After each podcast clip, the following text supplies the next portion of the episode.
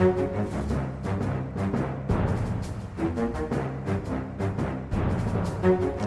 triller vi egentlig i gang med denne ukens eh, Aftenpodden. Velkommen. Jeg er Lars Glomnes, med som vanlig politisk redaktør Trine Eilertsen. God dag, god dag. God dag, god dag. Og kulturredaktør i perm, men på plass, Sara Sørheim. Hallo, hallo. Så hyggelig å se dere her igjen. Vi er nå tilbake i Akersgata. Eh, ikke fra fjerne verdenshjørner eller eh, Vestfoldkysten som de siste ukene. Åh, endelig lagt hytteferien eh, bak oss for denne gang.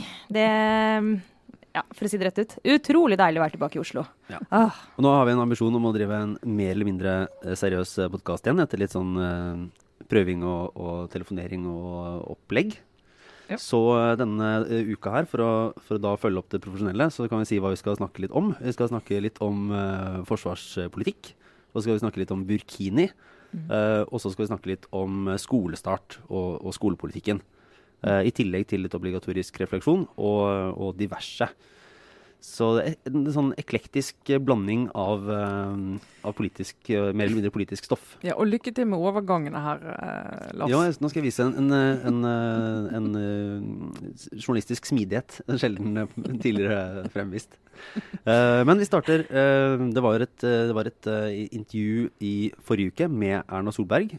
der hun fortalte at hun nå var en ivrig Pokémon Go-spiller. Eh, dette er jo ditt felt, eh, Sara. Ja, jeg er jo spillansvarlig her i Af- Aftenpodden, så jeg har jo brukt disse seks ukene på hytta til å prøve å spille Pokémon. Eh, og jeg blir litt sånn provosert, faktisk, av at det fremstilles som at hele Norge spiller Pokémon. Det er ikke så veldig lett å skjønne hvordan man spiller Pokémon. Men eh, dette har du jo vært litt på før. Men det er jo nesten hele Norge. For nå er det både, Ja. eh, både deg og, eh, og Erna Solberg, og ikke minst Trine Skei Grande, som denne uken ble tatt på fersken da hun satt under eh, høringen om eh, Forsvarets langtidsplan og spilte eh, Pokémon Go. Det som er litt funny, er at eh, jeg har jo ennå ikke skjønt eh, helt eh, hvordan jeg kom meg til disse gymmene. Og jeg, jeg er på det laveste nivået som det går an å være på, tror jeg, eh, i Pokémon. Faktisk, er etter seks kastet uker. ut av Pokémon Go, du. Men alltid når jeg, det får sikkert alle da, når jeg åpner appen, så står det at jeg må huske å være alert at all times og stay aware of your surroundings. Så jeg blir liksom irritert. Jeg får sånn følelse av at Pokémon bare er en slags sånn der, er sånn livsvisdom som kommer til meg. Som sånn, husk å følge med på alt mulig. Men jeg blir sånn, men hvor er de jævla Unnskyld uttrykket, men hvor er disse her uh, dyra? Hva, hvordan fanger man dem? Kan ikke dere bare ha en sånn enkel oppskrift? Seks år gamle barn spiller dette spillet. Men, eh, men jeg gir ikke opp, da. Eh, men ifølge, ifølge Trine Skei Grande så skal dette her fungere bra mentalt. Man skal faktisk bli bedre til å høre og følge med ved å spille det. Så nå skal vi teste det, Sara. Nå skal vi snakke litt om langtidsplanen. Yes. Og så spiller du Pokémon mens vi snakker litt om det, og så ser vi etterpå hva du husker. Ja, og det jeg skal prøve nå, er å faktisk se om jeg gjennom, med og gjennom å spille Pokémon klarer å helt ærlig engasjere meg i det Trine nå skal snakke om. Som ikke har vært tilfellet tidligere, men det er jo en stor og viktig sak i norsk politikk. Så kjør på, Trine. Snakk litt om langtidsplanen. Ja, ukens, eh, ukens store sak, i hvert fall på Stortinget, høring om eh, langtidsplanen.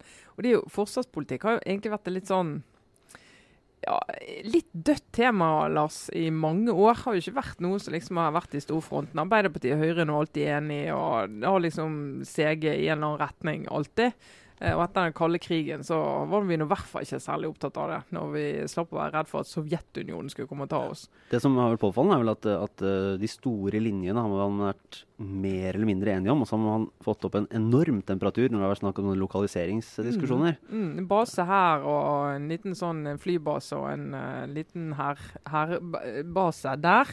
Da er det alltid blitt, men De store linjene har vært enige om. Men nå er det jo, nå er jo Forsvaret en sånn enorm endring. og på å si Alt er i omstilling, eh, også Forsvaret. Eh, og fra å ha vært et litt sånn ja, dødt tema politisk, så er det jo blitt veldig hot etter de nye nye verdensproblemene kom til oss. Eh, Vi snakker IS og Syria. Vi snakker et eh, hva vil si, selvhevdende Russland, som det heter på, eh, på utenrikskorrespondentspråket. Eh, og vi, uh, vi snakker om uh, altså en ny spenning i, i verden som gjør at vårt forsvarsbudsjett og våre langtidsplaner plutselig blir en helt annen sånn politisk temperatur i det. da. Og så Forsvaret legger frem sin plan og har jo de rammene de har. og vil ønsker selvfølgelig større rammer, men når de har de rammene de har, så skal øke litt. Grann. Eh, så blir det knallharde prioriteringer. Skal vi satse på mer høyteknologiforsvar og ofre en del av disse fysisk tilstedeværelse og basene? Eh, skal vi bare innse at vi kommer aldri til å klare å forsvare oss selv likevel? Vi er nødt til å stole på at Nato og amerikanerne kommer og hjelper oss med fly og folk. og Vi må bare holde igjen til de er på plass. Eh, eller har det en verdi at du har folk stående, gutter og jenter oppe i Finnmark, som kan i hvert fall bare å være der virker litt avskrekkende hvis det plutselig skulle klikke for russerne og de skulle inn og, og markere seg. Men Hvordan er egentlig frontene, for å bruke et eh, relevant uh, uttrykk i denne sammenhengen, i norsk politikk her? Altså, er det helt sånn klassisk vi, eh, de, altså, de som heier på Forsvaret, Høyre, Frp, klassisk, der er det mange som er forsvarsvenner.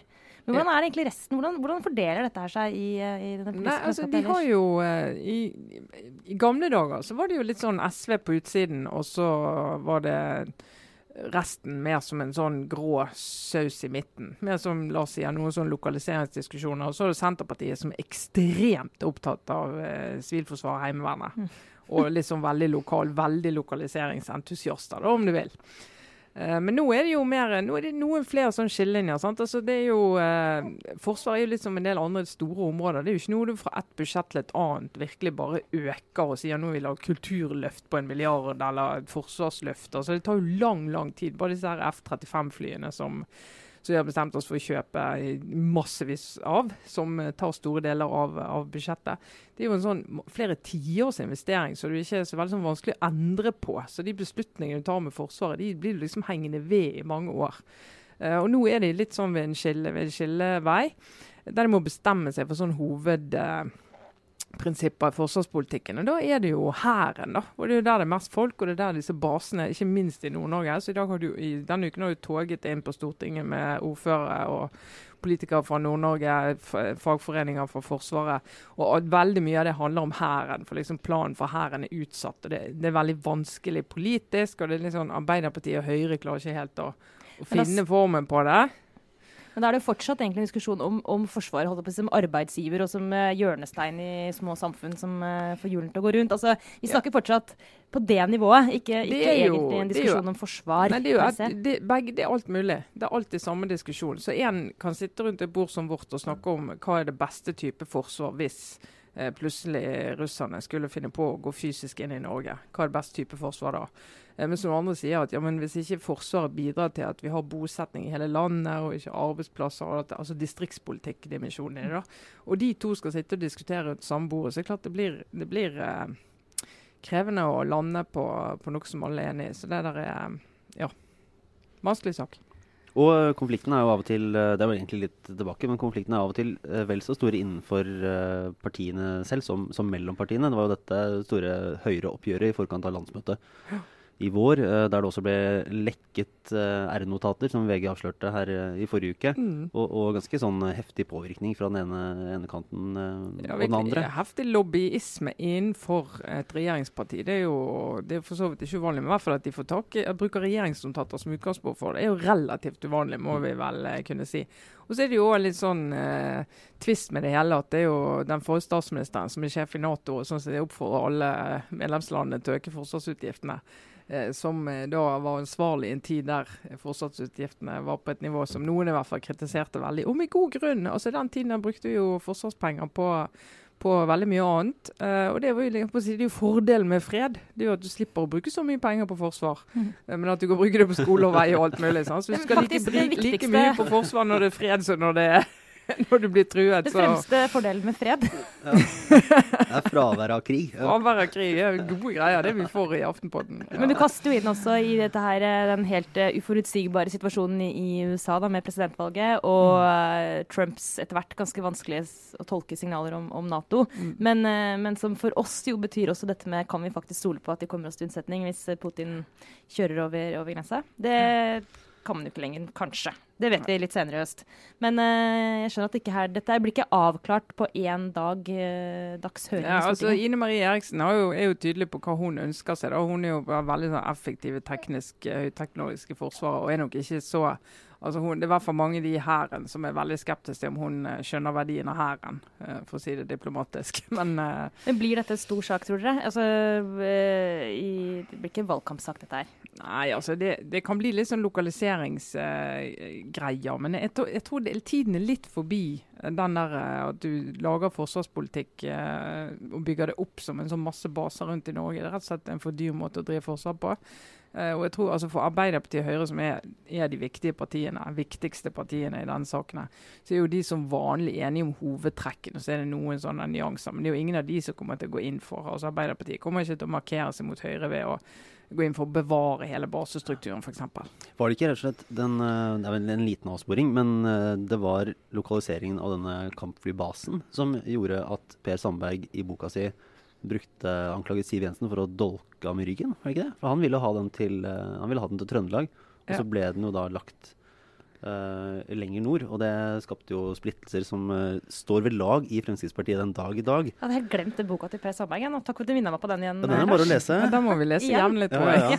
Ja, det er noen beskrivelser underveis der som er verdt å, verdt å huske. Ja. Ikke minst noen personkortestikker som er verdt å ha med seg. Ja, ja, ja. Så der, ja. Og mye, for, altså mye, av de konfliktene som ble veldig personlige eh, og bitre, det bunna både i uh, litt merkelige naboskap på, på, på Senja og mm. i uh, lokaliseringen av kampflybasene. Men det sier jo litt om hvilken tid vi lever i da, fortsatt. At uh, en diskusjon om Forsvaret jo egentlig handler om uh, det evige norske temaet lokalisering, som vi har vært inne på. At vi, vi, fortsatt er der. altså Det er greit nok å snakke litt mer om Russland nå, det er litt skumlere kanskje utenrikspolitisk sånn alt sett under alt. Men det er fortsatt sånn at en diskusjon om forsvaret i Norge er en diskusjon om lokalisering. Og det er nesten en blanding av irriterende og rørende, på et vis.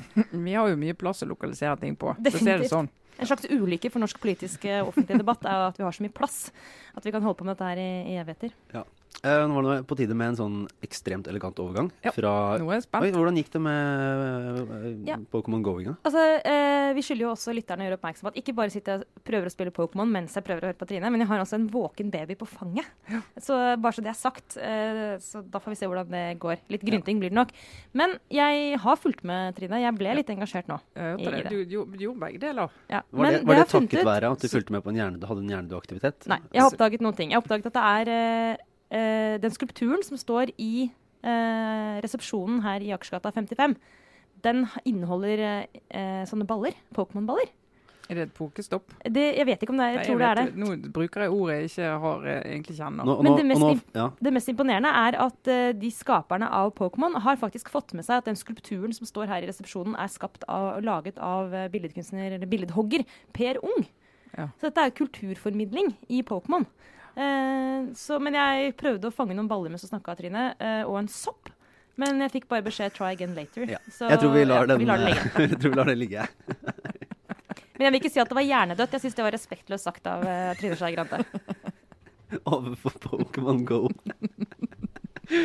Uff. Uh, nei, for det vi skulle videre til, var den uh, Vi tar dette internasjonalt. Til uh, den store burkini-debatten mm. som nå jeg vet ikke om man skal si den raser, men i hvert fall det løfter en del interessante problemstillinger ja, det i det liberale Europa.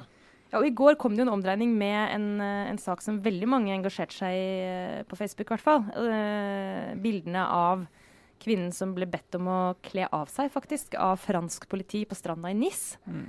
Som tilsynelatende viser da, en kvinne som ligger og sover i uh, heldekkende plagg kanskje en burkini. Litt vanskelig å se på bildene. Jeg tror ikke en burkini, det var nok mer en, uh, et eller annet slags uh, annet plagg. Det er mulig det, en, det var en solmatte som hadde blåst over uh, huet hennes. Det kan være noe sånt. det var nok til hvert fall å fyre opp fire sånne barske franske politimenn, som da rett og slett ba henne om å fjerne de plaggene.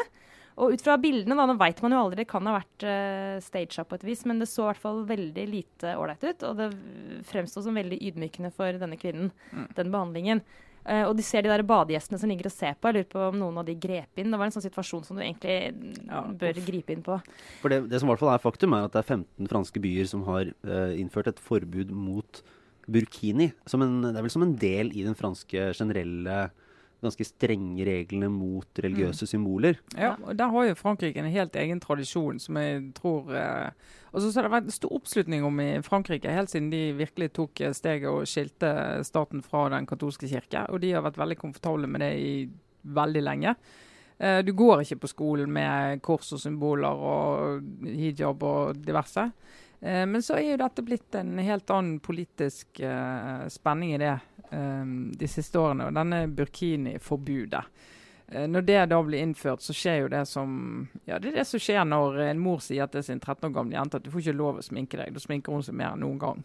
Eh, for det blir et sånt symbol på opprør. Jeg husker min mor hun sa du må gjerne sminke deg, Trine. Så kjøpte hun noe sånn lys pastellsminke. Og jeg ble så glad og gikk med det, så ingen skulle se jeg sminke på.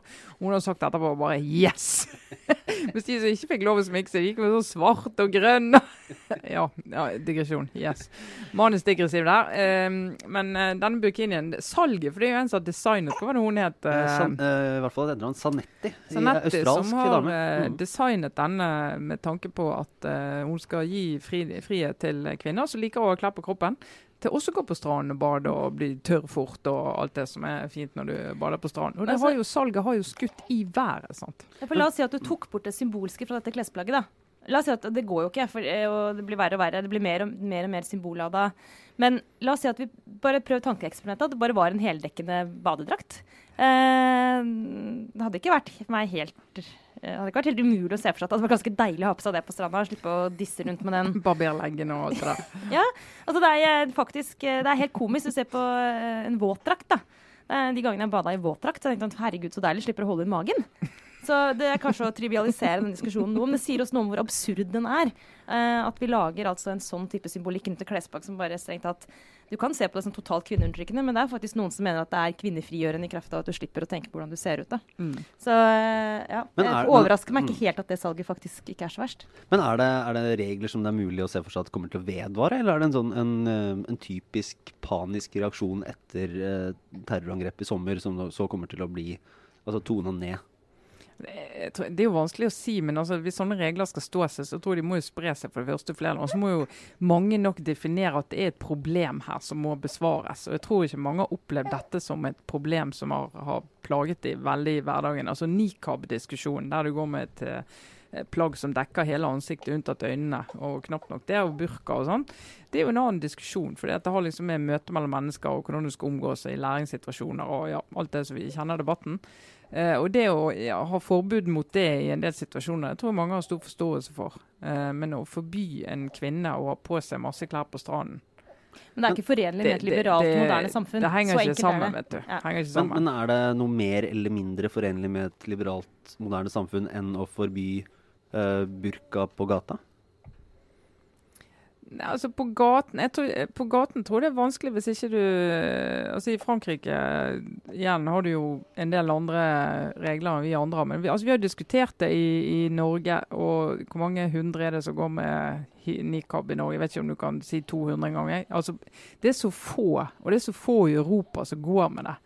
At det er litt sånn, Med mindre du faktisk kan bevise at uh, de går med det fordi at de går med sprengstoff under kjolen kjole og egentlig har tenkt å sprenge oss alle, så er det jo veldig krevende å, si til mennesker at de ikke skal gå med det. Så går det an å si til en som går med nikab at det, du må gjerne gå til og fra jobb med det. Men du kan ikke stå i et klasserom og undervise 30 barn med nikab på. Fordi at det påvirker situasjonen for de barna. Sant? Så det er, litt sånn, det er jo nyanser i det, da. Men altså, det er jo hele tatt tanker på bare å forby klesplagg i, uansett hva de er, så lenge de ikke ødelegger for en funksjon. F.eks. å sitte i en bank og skulle betjene en kunde. Men det der med hva de gjør når du går langs gata i et fritt samfunn Samme hvor sterkt man misliker det. Jeg syns det er grusomt å se kvinner i burka de få få gangene jeg har sett det. Sett det noen ganger i Oslo. Syns faktisk det er, det er, fælt å se på. Det er litt sånn som å se når du ser folk som har en uh, åpenbar altså det, det skaper dårlige følelser å se det klesplagget hos meg. Men jeg vil aldri finne på å tenke at de at du skulle bryte en lov med å bruke det heller. Mm. Og det handler jo om at du til syvende og sist, hvis du har et, en tro på at samfunnet må være grunnleggende liberalt, så kan man ikke det. Og da er det et uh, sykdomstegn at man får disse forbundene som i Frankrike. Et tegn på at man er i et, uh, en litt vanskelig situasjon i, i, i tiden vi lever i. Litt, uh, vi går i rekken av gode linker fra det ene temaet til det andre. Jeg må innrømme at det var litt vrient denne uka her. Altså. Det var uh, Naturlige overganger. Og ja. nå hjem igjen, kan ja, du si. Ja, nå hjem igjen. Jeg trodde jeg nesten hadde det da du snakka om klasserom. Uh, så fikk jeg en fin liten omregning til, så jeg skal ikke, skal ikke, klage på det, altså. Jeg så du prøvde å ta ordet, Lars, men jeg valgte å overse det. Ja. Beklager. Det er et liberalt samfunn som skal vi tillate sånt. Er, vi trenger ikke å like det, men jeg skal akseptere det. Uh, nei, fordi uh, egentlig du hadde noen betraktninger, Trine, om, eh, om det, er, det er skolestart. Uh, det går titusener av små barn begynner på skolen, Ja. og begynner igjen etter sommerferien. Og også skolepolitikken endrer seg. Skolepolitikken endrer seg, og skolepartiene, de to tradisjonelt, eller de siste tiårene i hvert fall, store skolepartiene har jo vært SV og Høyre. Så mistet SV sakseierskapet til skole. De mistet faktisk sakseierskapet til alle sakene sine da de satt i regjering. Ikke bare skolepolitikken, men de mistet det til miljø og familie og oppvekst og skoler. Jeg vet at du har, har lest opp. Dette, er dette liksom faktisk, eller er det en, eh, en slags eh, er, det, er det en talemåte? Ja, nei, Dette er analysen til Institutt for samfunnsforskning. Den valganalysen de gjør etter hvert eh, stortingsvalg. og Der eh, slo de fast eh, hardt og brutalt at SV har mistet sakseierskapet til alle sakene sine. Og det er jo forferdelig. Skole var en av de. Høyre hadde derimot festet grepet om den saken som de allerede hadde godt eh, grep om. Sakseierskap betyr jo at sjøl velgere som ikke stemmer på partiet, når de blir spurt, sier at ja, der har det partiet en god politikk. Eh, de har liksom overrepresentasjon blant velgerne på, på det saksområdet. Eh, og Høyre har jo liksom hovedskillet mellom liksom SV og Høyre sin uh, skolepolitikk. Altså Høyre har vært litt sånn Vi må stille krav, det må være kvalitet i skolen, vi må teste, vi må vise at folk lærer seg å skrive og lese. Og SV har, har da i hvert fall mer kjent for sånn Vi må ha altså, godt læringsmiljø og nok lærere, mange flere enn nå, mer ressurser i skolen. Uh, og veldig kritisk til liksom, den testekulturen. da. Eh, og Høyre har jo levd godt på det, både i Oslo og i resten av Norge, eh, på den politikken. Eh, og så kommer jo Torbjørn Røe Isaksen, også leder programarbeidet i Høyre, eh, som skal vedta nytt stortingsprogram, sånn som alle de andre skal, til våren på landsmøtene sine. Eh, og sier at nei, denne her Høyre-saken om karakterer for femte klasse, den må vi, den må vi eh, kaste. Det er en dårlig sak. Det ikke hjelper det. Og det, han sier egentlig at det er en tullesak. Det er en litt sånn typisk Unge Høyre-sak, egentlig. Eh, og kommer jo til å foreslå da at det ikke blir en del av eh, skolepolitikken til Høyre i neste periode. Og får jo masse skryt av eh, Audun Lysbakken for det. Det jo, men det er selvfølgelig for Audun Lysbakken som har lyst til å eie skolepolitikk ennå, så ja, han skryter jo av det, men det er jo mye bedre for han at Høyre er litt sånn ekstremistisk på tester og karakterer og sånn, enn at det ikke er det. Men tror du, uh, tror du Høyre kan uh, tjene på å, å bevege seg mot sentrum, for å si det sånn, da, i, i skolepolitikken? Eller, er- eller er det Nå er det, gjør det på en måte det motsatte av det SV også gjorde i regjeringen. Altså SV som måtte liksom OK, vi kan ikke få gjennomført alt det vi vil. Det nærmer seg en slags uh, middelvei. Mm. Uh, ser realiteten i øynene. Nå gjør Høyre noe av det samme. Um, det, altså, kan det styrke det, eller svekke det Høyre som skoleparti? Ja, altså det, jeg syns jo Torbjørn Isaksen sin, eh, altså sin innstilling til det politikkområdet Nå sitter jo han og er kunnskapsminister og kan jo med en viss tyngde si at dette kan jeg litt om.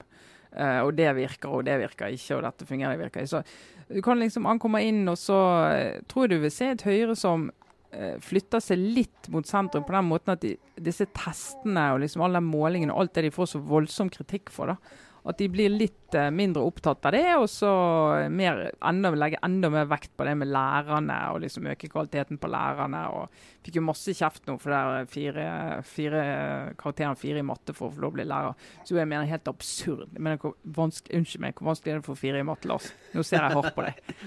Hvis ikke du har fire i matte, hva er det du holder på med da på skolen? Ja, vet du Er hva. det nå vi skal si hva vi fikk i mattekarakter, eller? Ja, nei, bare for å si det.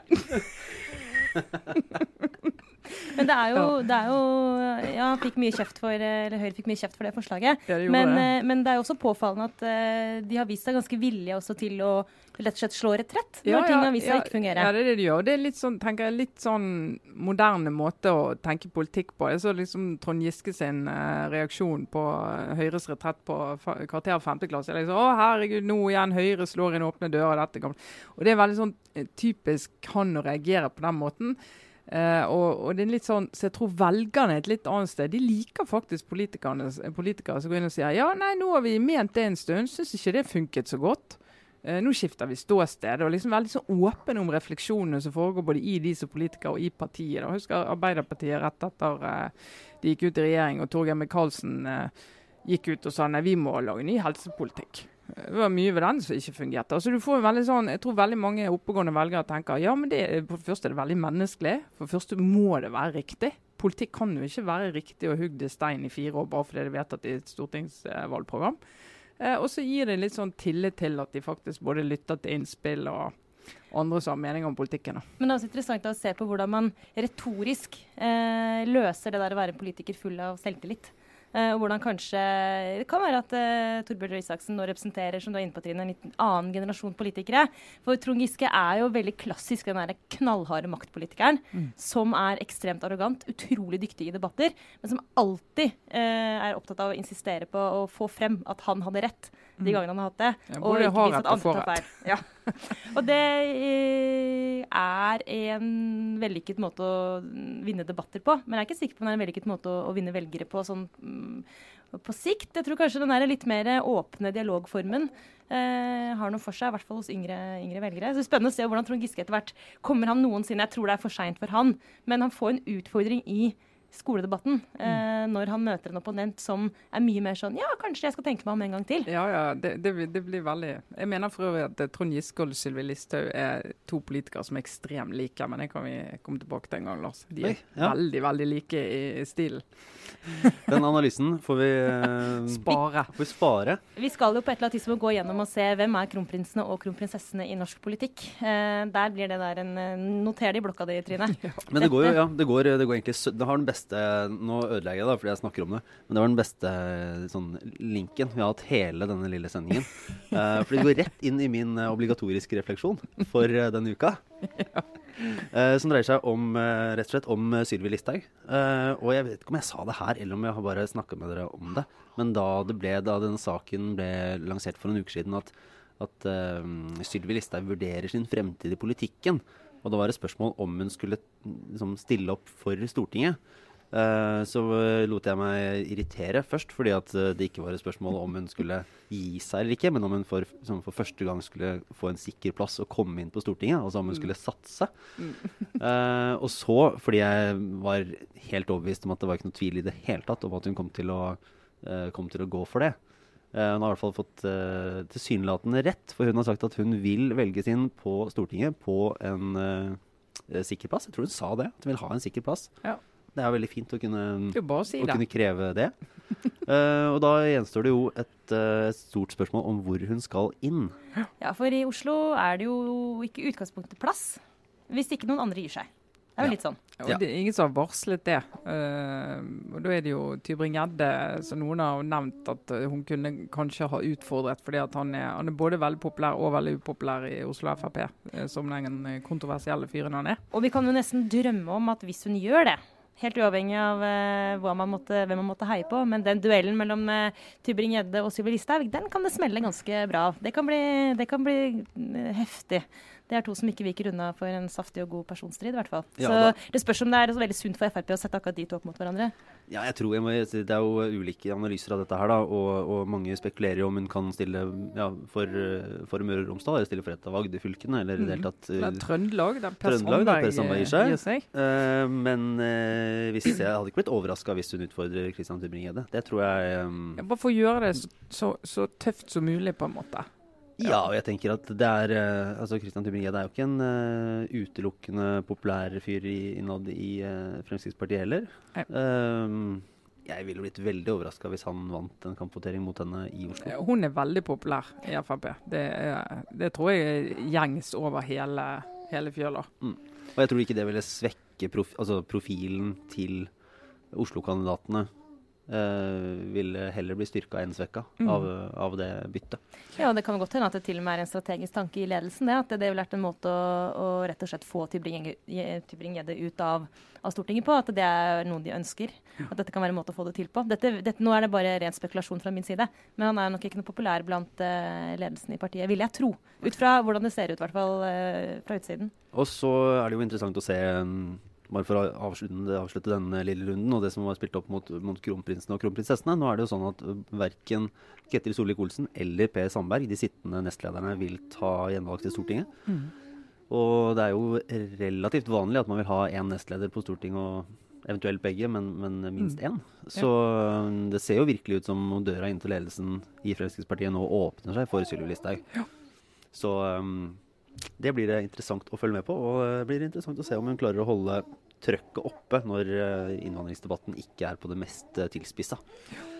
Så det er min uh, helgeprat, da. Ja, Aksel er klar for helg. Ja, jeg må bare kanskje skyte inn noe at før jeg muligens er nødt til å reise meg opp for å ivareta denne babyen, som har eh, gjort alt babyer gjør i løpet av denne halvtimen jeg har sittet her. Så, så eh, min selvsentrerte obligatoriske refleksjon er at jeg skal på Aschehougs hagefest. Tror jeg. Eh, vi får se hvor lenge denne babyen orker å være en del av mitt liv. Kanskje jeg snart bare må bli en del av hans, Ja, hvis du skjønner hva jeg mener. Men Bare skyte inn at Lars og jeg er som vanlig ikke invitert, Lars. Vi var ikke invitert i fjor, og heller ikke i år. Så vi bare gleder oss med deg, vi. Men Sara Sara blir invitert med baby. Ja. Her sitter vi. Det er jo en av de få tingene jeg kan trøste meg med. Her jeg har sittet på sidelinjen i månedsvis. Det er jo at jeg fortsatt heldigvis blir invitert på hagefesten. Eh, om det blir gøy eller ikke, det lover jeg å fortelle neste uke.